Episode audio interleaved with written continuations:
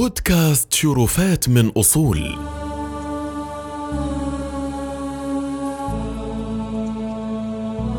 ارتكزت هذه الحلقة على مقالة أدبية للأديب مصطفى لطفي المنفلوطي.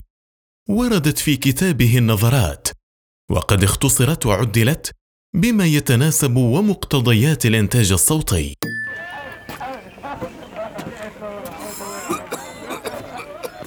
ما الحياة إلا خفقات؟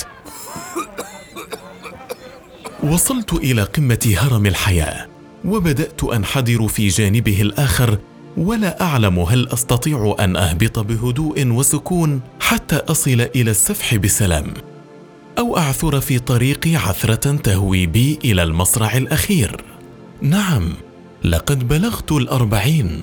سلام عليك أيها الماضي الجميل. لقد كنت ميدانا فسيحا للآمال والأحلام وكنا نطير في أجوائك البديعه غادين رائحين طيران الحمائم البيضاء في آفاق السماء.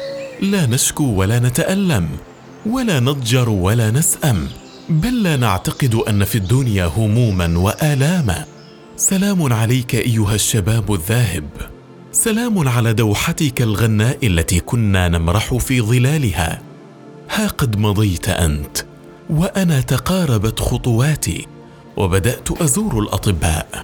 أبكيك يا عهد الشباب فقد بلغت الأربعين.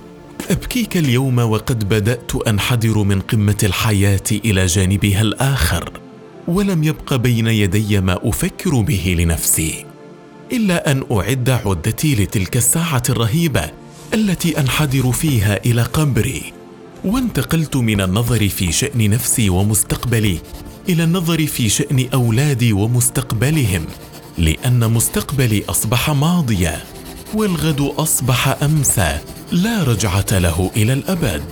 وأصبحت أقول في نفسي ما لي وللعالم وما يحويه من خير وشر. وأنا مفارقه وشيكا إن لم يكن اليوم فغدا. وأخذت أتحدث عن الماضي أكثر مما أتحدث عن الحاضر. ليس لأن الأول أجمل من الثاني بل لأن الشبيبة أجمل من الشيخوخة. ما أنا بخائف من الموت فالموت غاية كل حي. ولكني أخاف من كتابي الذي لا يغادر صغيرة ولا كبيرة إلا أحصاها.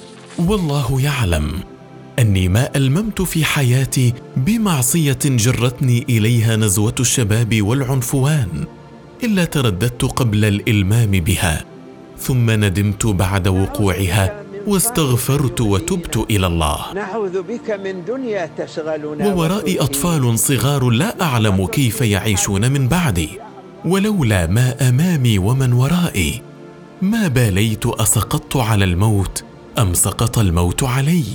فأنا ولله الحمد. ما شككت يوما من الأيام في وحدانية الله وآياته وكتبه وملائكته ورسله وقضائه وقدره ولا أذعنت لسلطان غير سلطانه وعظمته. وداعا يا عهد الشباب.